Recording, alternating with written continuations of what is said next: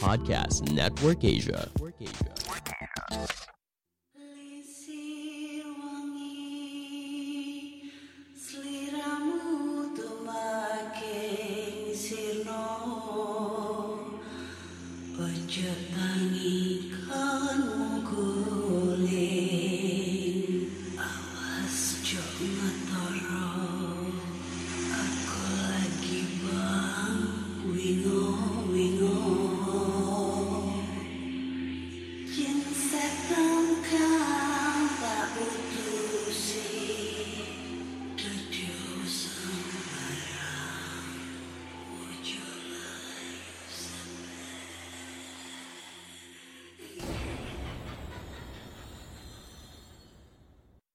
Hai Rek, yuk apa kabar ya?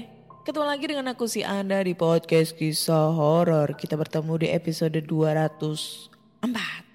Dan di episode kali ini aku membacakan cerita horor ataupun email berhantu yang sudah dikirimkan teman-teman melalui podcast kisah horor at gmail.com atau di Instagram podcast kisah horor serta Google Form yang lainnya tersedia di bio Instagram podcast kisah horor.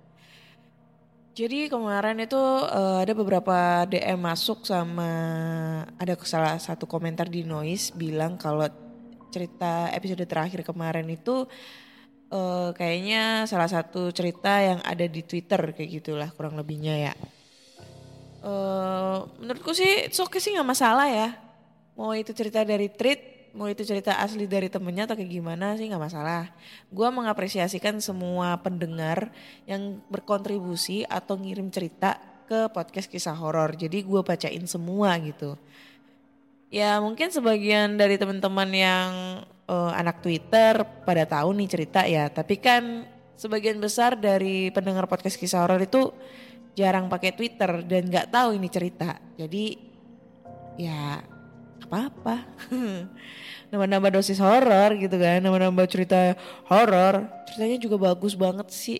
Jadi ditunggu Robani untuk season kedua part 2 ya. Lanjutan cerita dari Santet Tiga Generasi. Mantap. Oke deh. Langsung aja kita masuk-masuk ke apa namanya cerita-cerita horor ya.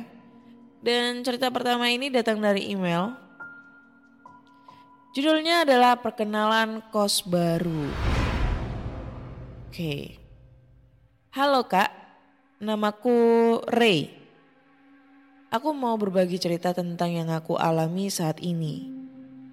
Saat ini aku berusia 17 tahun dan baru saja naik ke kelas 11 SMK. Dan setiap kelas 11 harus dilaksanakan pakerin, prakerin, prakerin, praktek kerja industri gitu ya. Atau biasa disingkat PKL. Waktu itu aku dan teman-temanku berlima, cewek dua, cowok tiga, yang waktu itu memutuskan ingin PKL di ke di titik-titik. Yang dua jam jarak dari rumah kami dan kami pun disarankan untuk kos di tempat kakak kelas dulu. Kami pun setuju-setuju aja karena dekat juga dengan tempat PKL. Ini gak ada tanda titiknya coy, aku agak bengong. Sebelum Hamin satu temen aku cewek bernama Putri itu kecelakaan dan tidak bisa berangkat. Waktu itu kami pun berempat berangkatlah dulu ke tempat kos-kosan itu. Sebenarnya bukan seperti kos-kosan, lebih tepatnya penginapan, tapi dijadikan kos-kosan karena pandemi waktu itu dan belakang tempat kos-kosan itu adalah petilasan atau makam Sri Aji titik-titik-titik. Lanjut cerita, di tempat itu cuman ada tiga tempat kos-kosan. Aku dan dua teman cowokku tidur di tengah dan satu teman cewekku tidur di belakang kosan kami. Malam pun tiba. Kami para cowok tidak bisa tidur. Mungkin karena tempat baru kami pun tidur jam satu malam. Dan satu teman aku cowok bernama Reza itu kebangun jam 3 mendengar suara dari kamar mandi. Ia pun menghidupi senter HP-nya dan suara pun berhenti. Paginya, Reza bercerita ke kami semua. Dan temen aku cewek satu lagi bernama Diva itu juga merasakan hal aneh saat sholat isya. Di belakangnya terdengar suara dari lemari dia sholat. Aku pun bilang ke mereka mungkin perkenalan. Hari-hari pun kami lewati tanpa ada gangguan lagi kecuali selalu terbangun di jam 3 pagi dan sering mendengar suara-suara aneh. Kami berempat pun mulai terbiasa akan hal itu. Sampai hari di mana teman aku si Putri itu sudah sembuh dari kecelakaannya. Dia pun segera berangkat ke tempat kos-kosan kami. Saat Putri datang, kami pindah dari kosan tengah ke kosan paling belakang. Karena kamar mandi dalam hanya terdapat di kosan tengah. Dan juga kamar yang cukup luas untuk kami cowok bertiga. Saat Putri sudah datang dan sudah berberes-beres barang-barangnya, kami pun tidur karena sudah malam juga. Paginya sekitar jam 4, Putri menggeder-geder kamar kami cowok-cowok. Ia ketakutan dan menangis. Kami pun terkejut dan mereka pun bercerita kalau di jam 3 kamar mandi dalam itu digedor-gedor. Diva pun bangun dan membangunkan Putri saat ingin keluar kamar pintu kamar mandi semakin keras tergedor. Sampai dia ketakutan dan lari keluar dan telepon ortu masing-masing. Dan membangunkan kami cowok-cowok di jam 4 dan sebenarnya saat Putri geder-geder kamar kamar aku saat Reza membuka pintu ada suara ibu-ibu yang datang kepadaku seperti ingin melahapku. Tapi tidak aku ceritakan ke teman-temanku. Satu minggu berlalu, kami tidak pernah diganggu sama sekali. Dan saat itu sesudah azan isya, kami cowok-cowok suka berada di depan kos tempat bersantai untuk mabar. Saat itu cewek-cewek suka di kamar saja, tapi saat itu Dipa keluar bersama kami cowok-cowok di depan dan meninggalkan Putri yang sedang sholat isya betapa kagetnya. Astagfirullah. Kami semua melihat Putri lari dari kamar kos dan masih menggunakan pakaian sholat serta menangis tersadu-sadu. Kami pun menenangkannya dulu hampir dua jam untuk bisa menenangkan Putri dan dia mulai bercerita ke kami pada saat itu dia sedang sholat isya di rokaat ketiga dia merasa ada ada yang pegang pundaknya. Dia pun berpikir positif.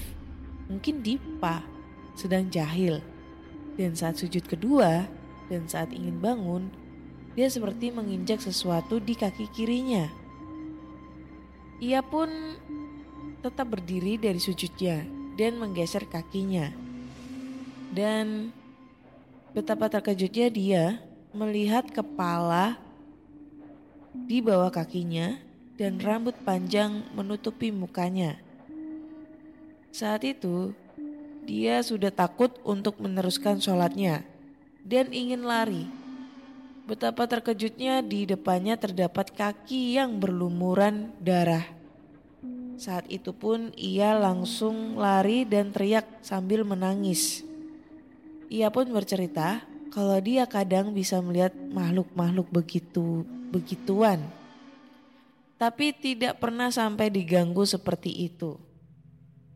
Saat itu juga ia bercerita sebelum kejadian itu dia pernah bermimpi dikubur di dalam liang lahat. Dan ada seorang wanita yang bilang kamu harus mati sama aku.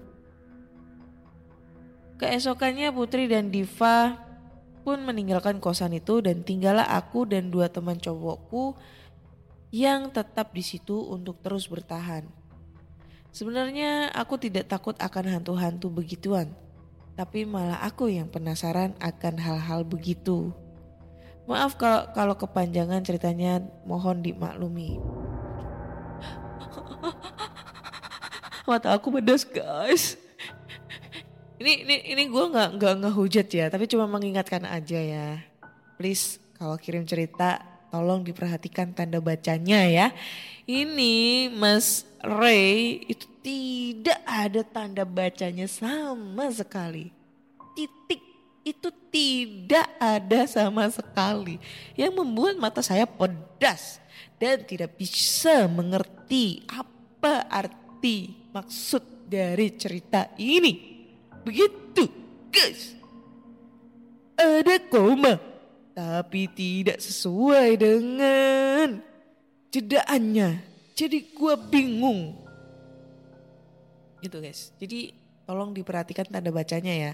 Karena gue ingetin lagi, selama gue ngedapetin cerita di email, gue nggak pernah yang harus mengkoreksi dulu atau kayak gimana, kurasi dulu, nggak pernah. Jadi email masuk gue langsung baca.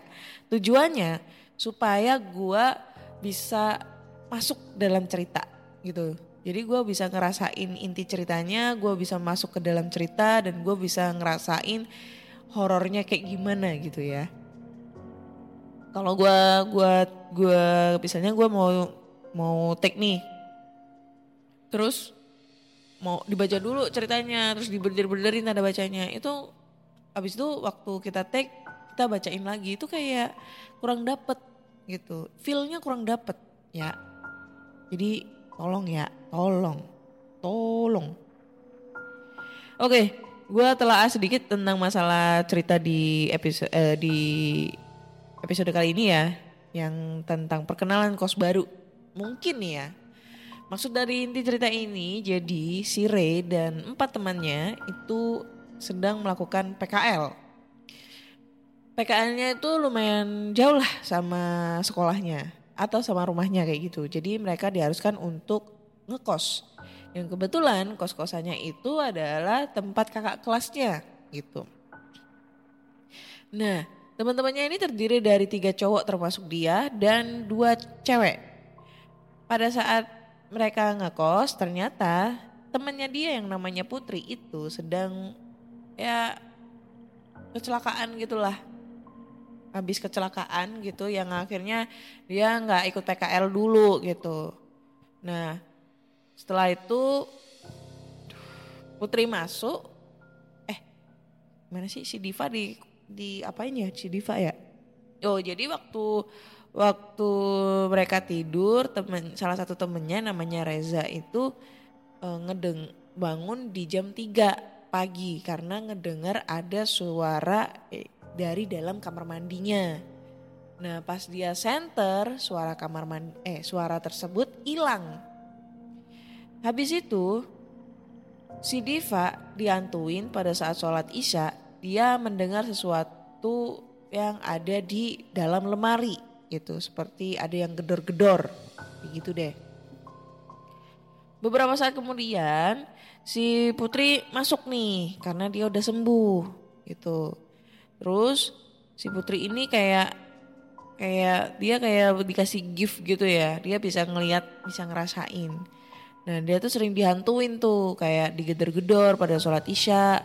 Terus ada lagi yang ngelihat sosok sosok kepala gitu di di bawah kakinya pada saat dia sholat dan pas dia lari dia ngelihat ada kaki yang berlumuran darah. Jadi intinya itu badannya itu terpisah coy kayak gitu.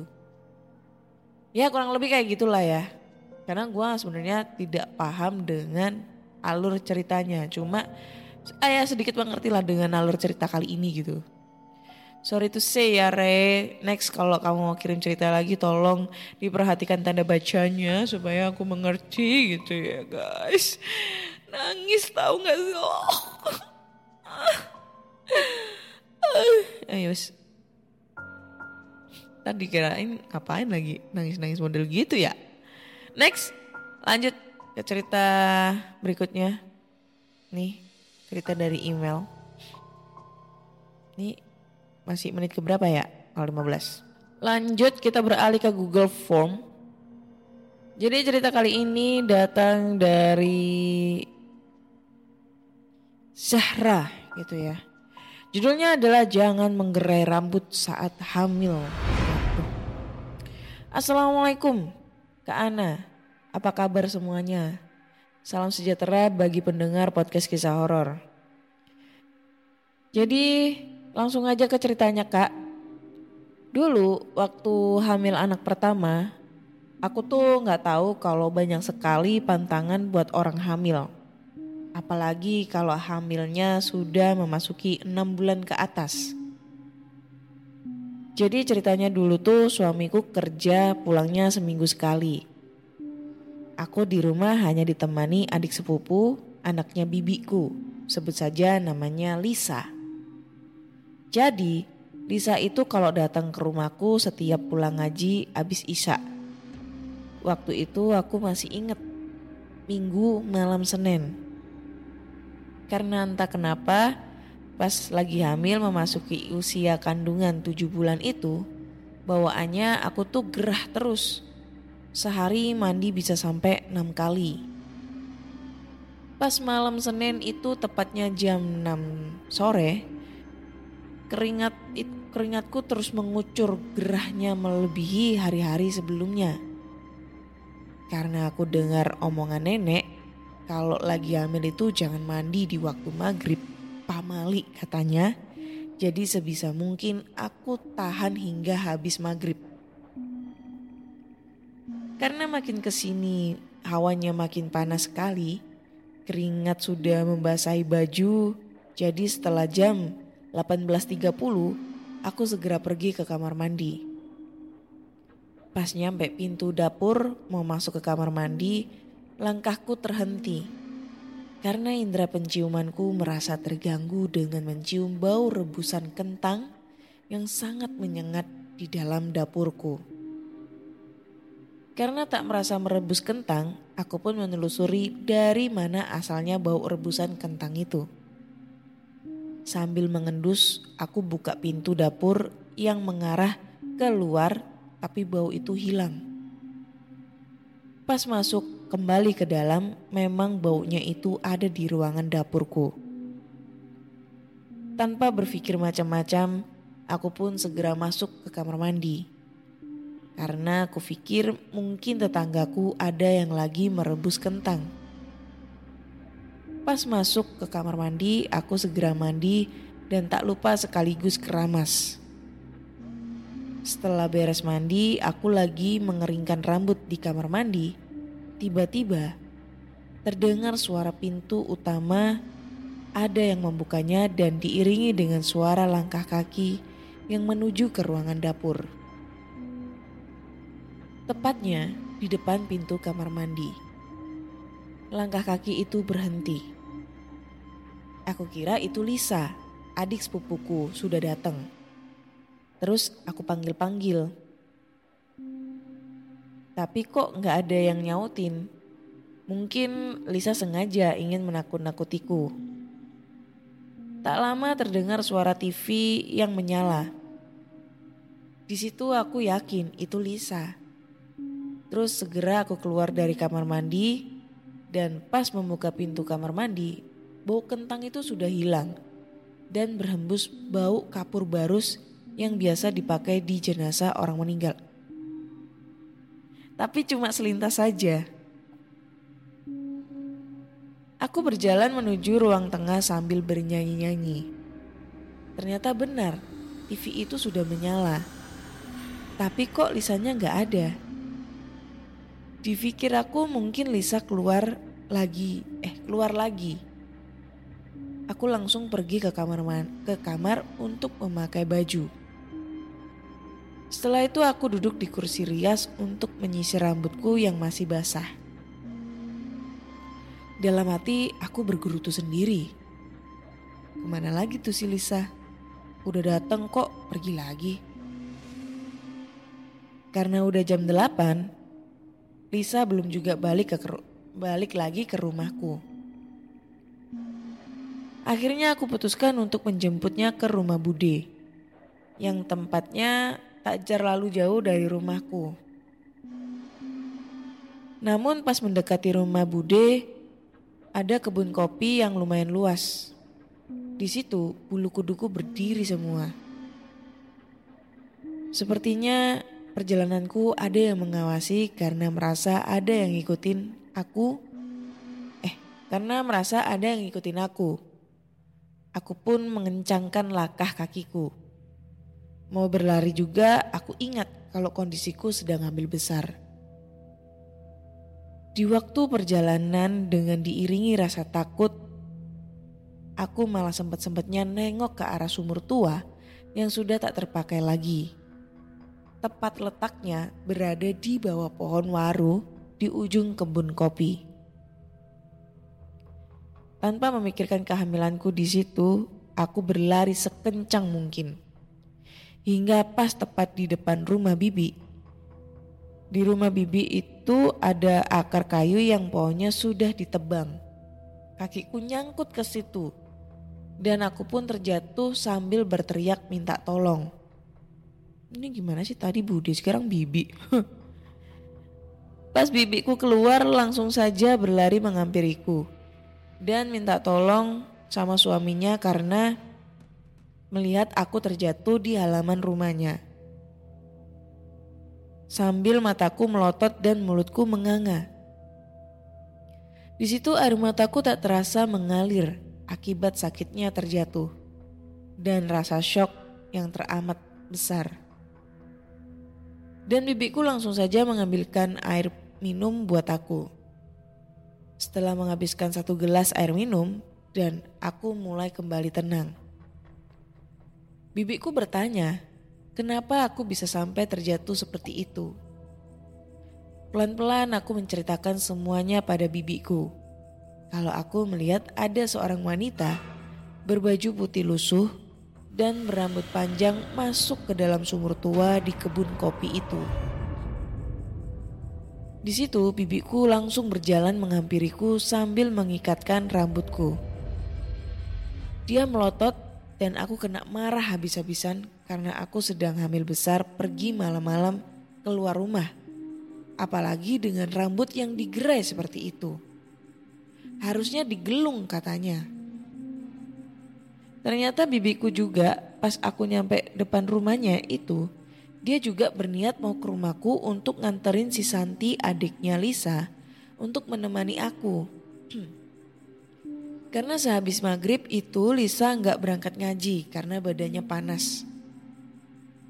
Di situ aku kembali kaget mendengar perkataan bibiku yang mengatakan kalau Lisa dari habis maghrib itu nggak ke mana-mana karena sedang sakit.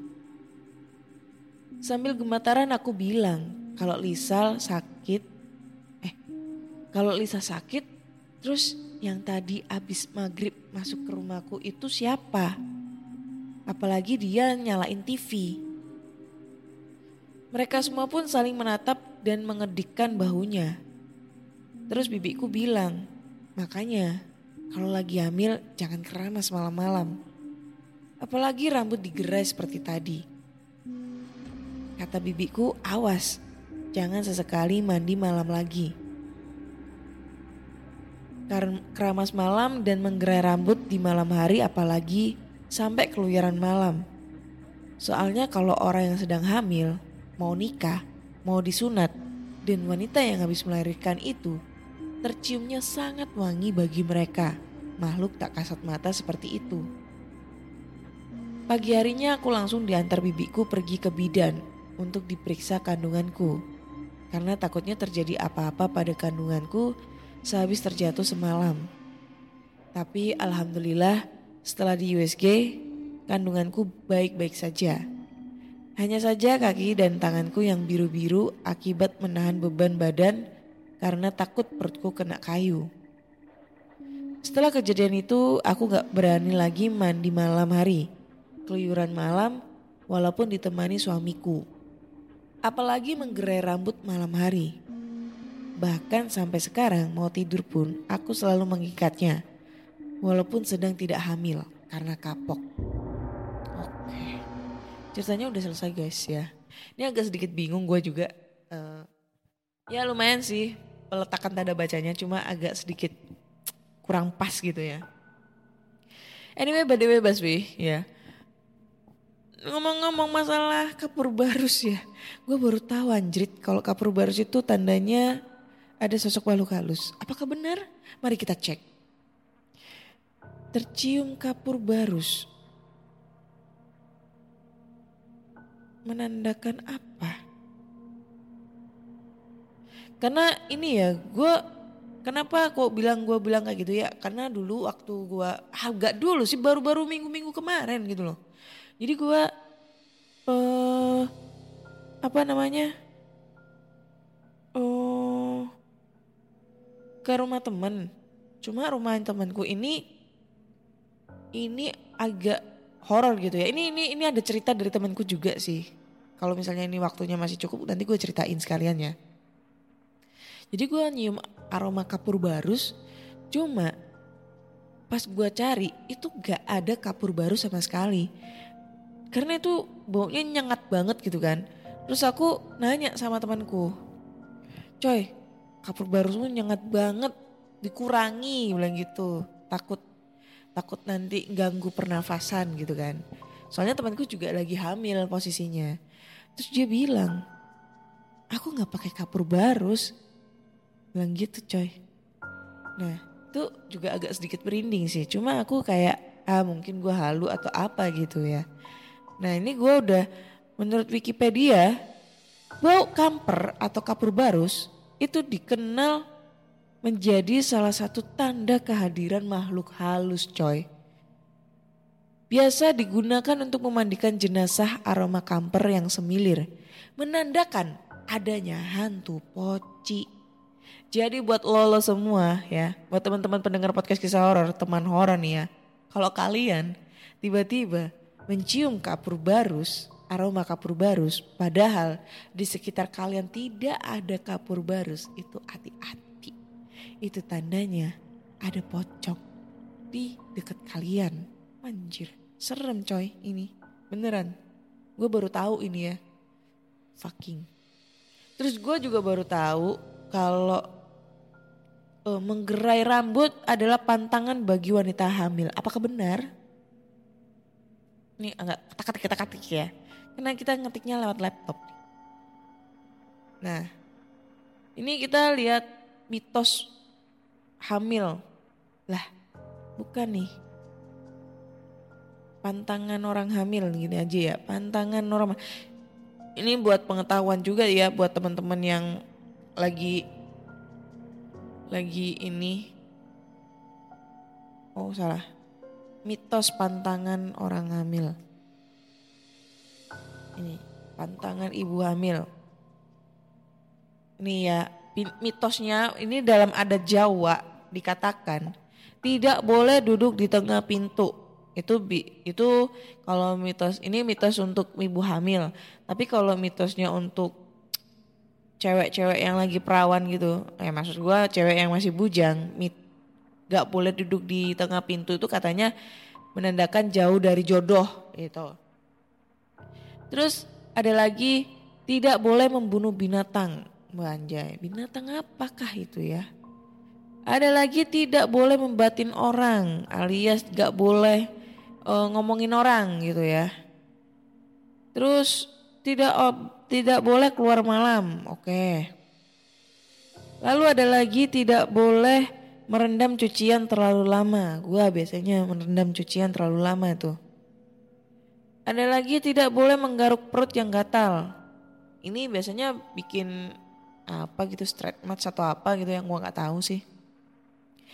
Tidak boleh menyenggak piring selagi makan, tidak boleh makan buah. Tidak boleh makan buah itu yang aneh ya. Gak tahu maksudnya kayak gimana dulu gak boleh makan buah. Ya itulah pokoknya ya. Nah karena tadi gue ngomong gue pernah ngecium bau kapur barus di rumah temenku ya. Jadi aku mau sedikit cerita nih. Jadi beberapa minggu yang lalu aku kan sempat main ke rumah temen gitu. Jadi temenku tuh baru beli rumah di daerah Gresik.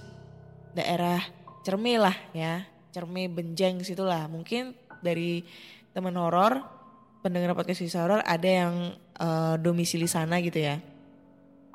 Nah lokasinya itu emang lumayan eh, lumayan sepi sih ya. Kalau malam itu sepi banget. Ya jam-jam jam 7 jam 8 itu udah lumayan sepi anjir kesemutan.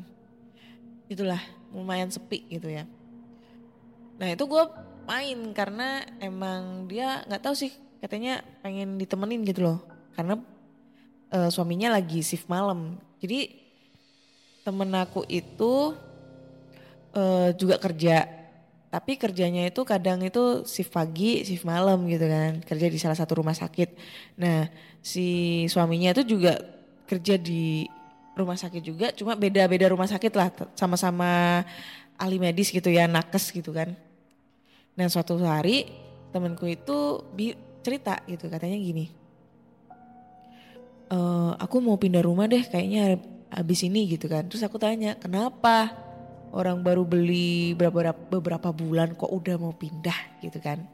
Terus dia cerita, iya ada kejadian horor gitu. Itu dia ceritanya itu sebelum aku nyium bau kamper itu ya. Jadi dia cerita gini. Jadi pas ming bulan ketiga pada eh, bulan ketiga setelah dia beli rumah, waktu itu dia kebetulan shiftnya itu bentrokan sama suaminya. Jadi bentrokannya itu eh, nggak pernah ketemu di rumah. Misalnya kalau temanku itu shift pagi, suaminya shift malam. Terus kalau suaminya shift malam, eh suaminya shift pagi, temanku shift malam. Jadi nggak hampir nggak pernah ketemu di rumah. Ketemunya itu pas di luar kalau mau pulang gitu makan gitu atau apa gitu kan. Suatu hari temanku yang cewek ini eh, shift pagi, terus malamnya di rumah. Nah, karena dia emang lagi hamil muda gitu ya, hamil muda. Temanku itu ini eh, nonton TV gitu, jenuh gitu nonton TV di ruang tamu. Eh, suaminya itu berangkat kerja. Dua jam setelah suaminya berangkat kerja, itu tiba-tiba suaminya datang. Katanya suaminya datang, ketok-ketok pintu, terus dibukain sama temanku. Nah, habis itu sama temanku di, gini, kok udah pulang mas? Gitu. Si suaminya nggak jawab, tapi cum, langsung masuk kamar gitu. Nah beberapa saat kemudian suaminya itu ganti baju, ganti baju kayak kaos sing bukan kaos singlet, kaos putih dalaman gitu sama celana pendek terus menuju ke kamar mandi. Nah, karena mungkin temanku itu mikirnya oh mungkin dia lagi sakit atau apa makanya pulang. Jadinya dia tuh mau inisiatif mau bikinin teh anget. Terus sama temanku tuh di, kayak ditawarin. Jadi si si suaminya itu katanya tuh udah posisinya masuk dalam kamar mandi tapi nggak ada suara gebir-gebir air. Oh mungkin di pikirannya dia lagi beol gitu kan. Nah terus temanku tuh kayak nawarin, Mas mau dibikinin teh anget. Nah dari dalam itu masih ada sautan, cuma sautannya cuma gini doang. Hmm itu doang sih sekali. Ya udahlah, temanku kan nggak curiga ya, bikinin teh. Udah, terus lama tuh nggak keluar-keluar. Nah temanku tuh eh, mau nonton TV lagi, terus dia bilang, Mas, tanya di meja ya, aku nonton TV gitu.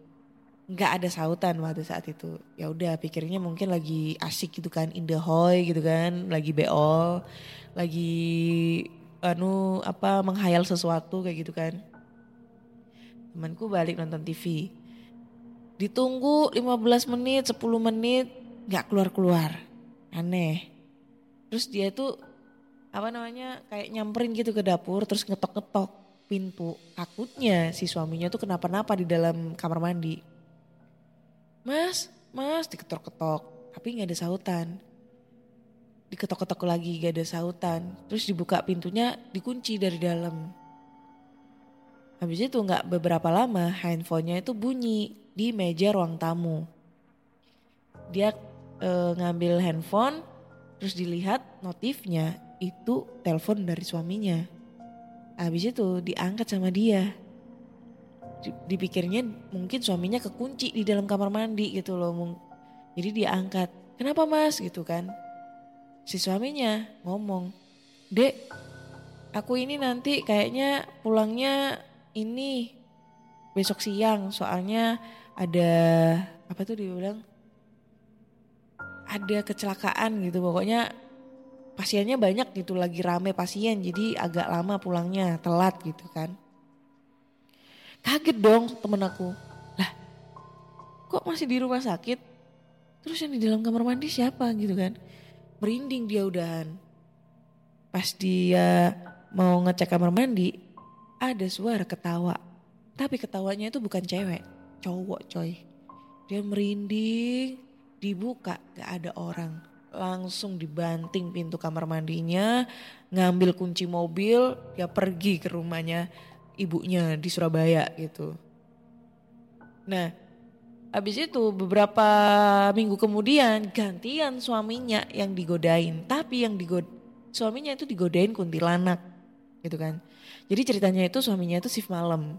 Si temanku itu shift eh suaminya itu shift pagi terus malamnya di rumah. Te, uh, temanku shift malam.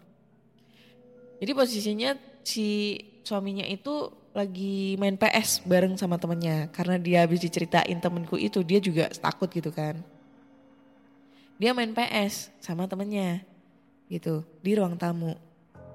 Gak lama kemudian sekitar jam setengah 10 malam ada suara yang gedor-gedor dari uh, jendela.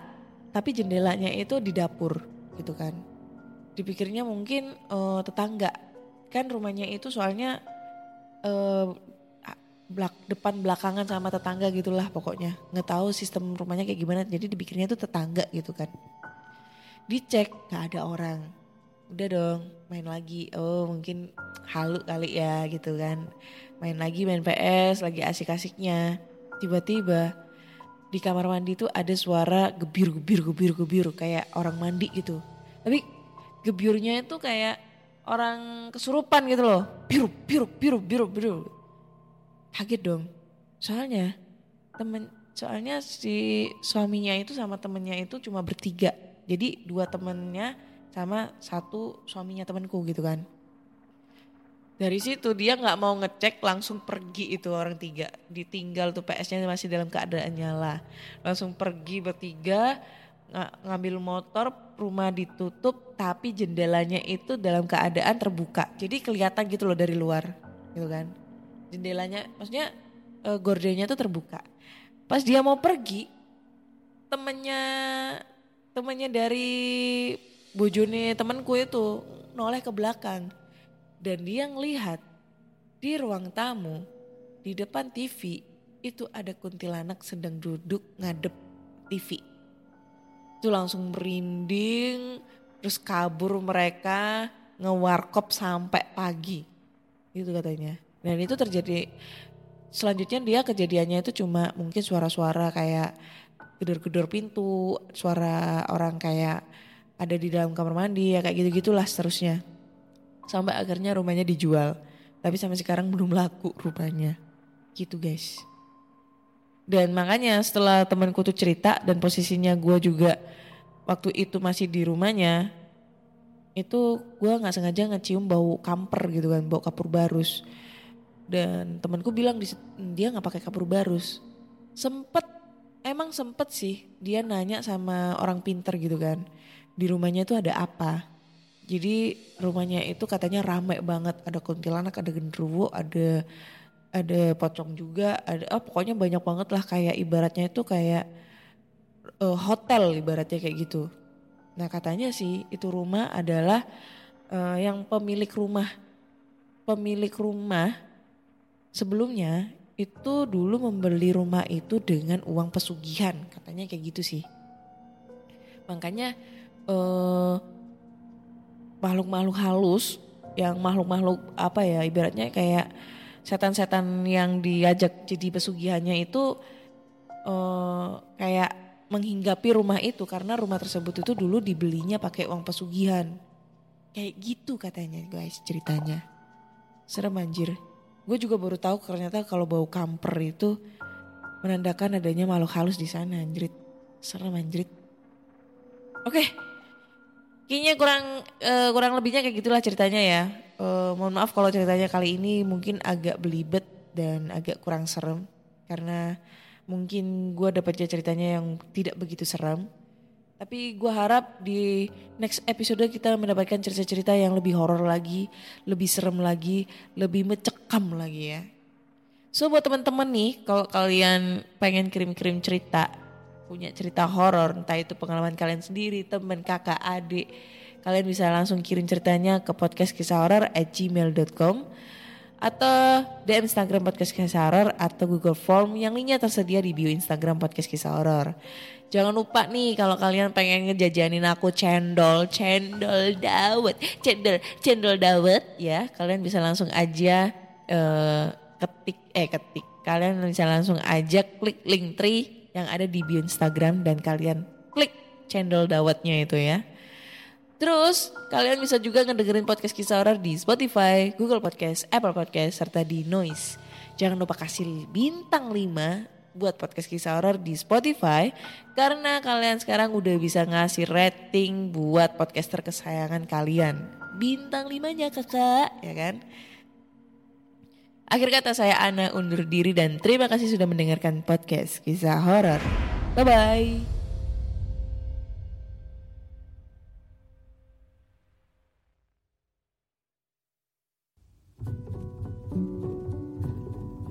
Pandangan dan opini yang disampaikan oleh kreator podcast, host, dan tamu tidak mencerminkan kebijakan resmi dan bagian dari podcast Network Asia. Setiap konten yang disampaikan mereka di dalam podcast adalah opini mereka sendiri dan tidak bermaksud untuk merugikan agama, grup etnik, perkumpulan, organisasi, perusahaan, perorangan, atau siapa pun dan apa pun.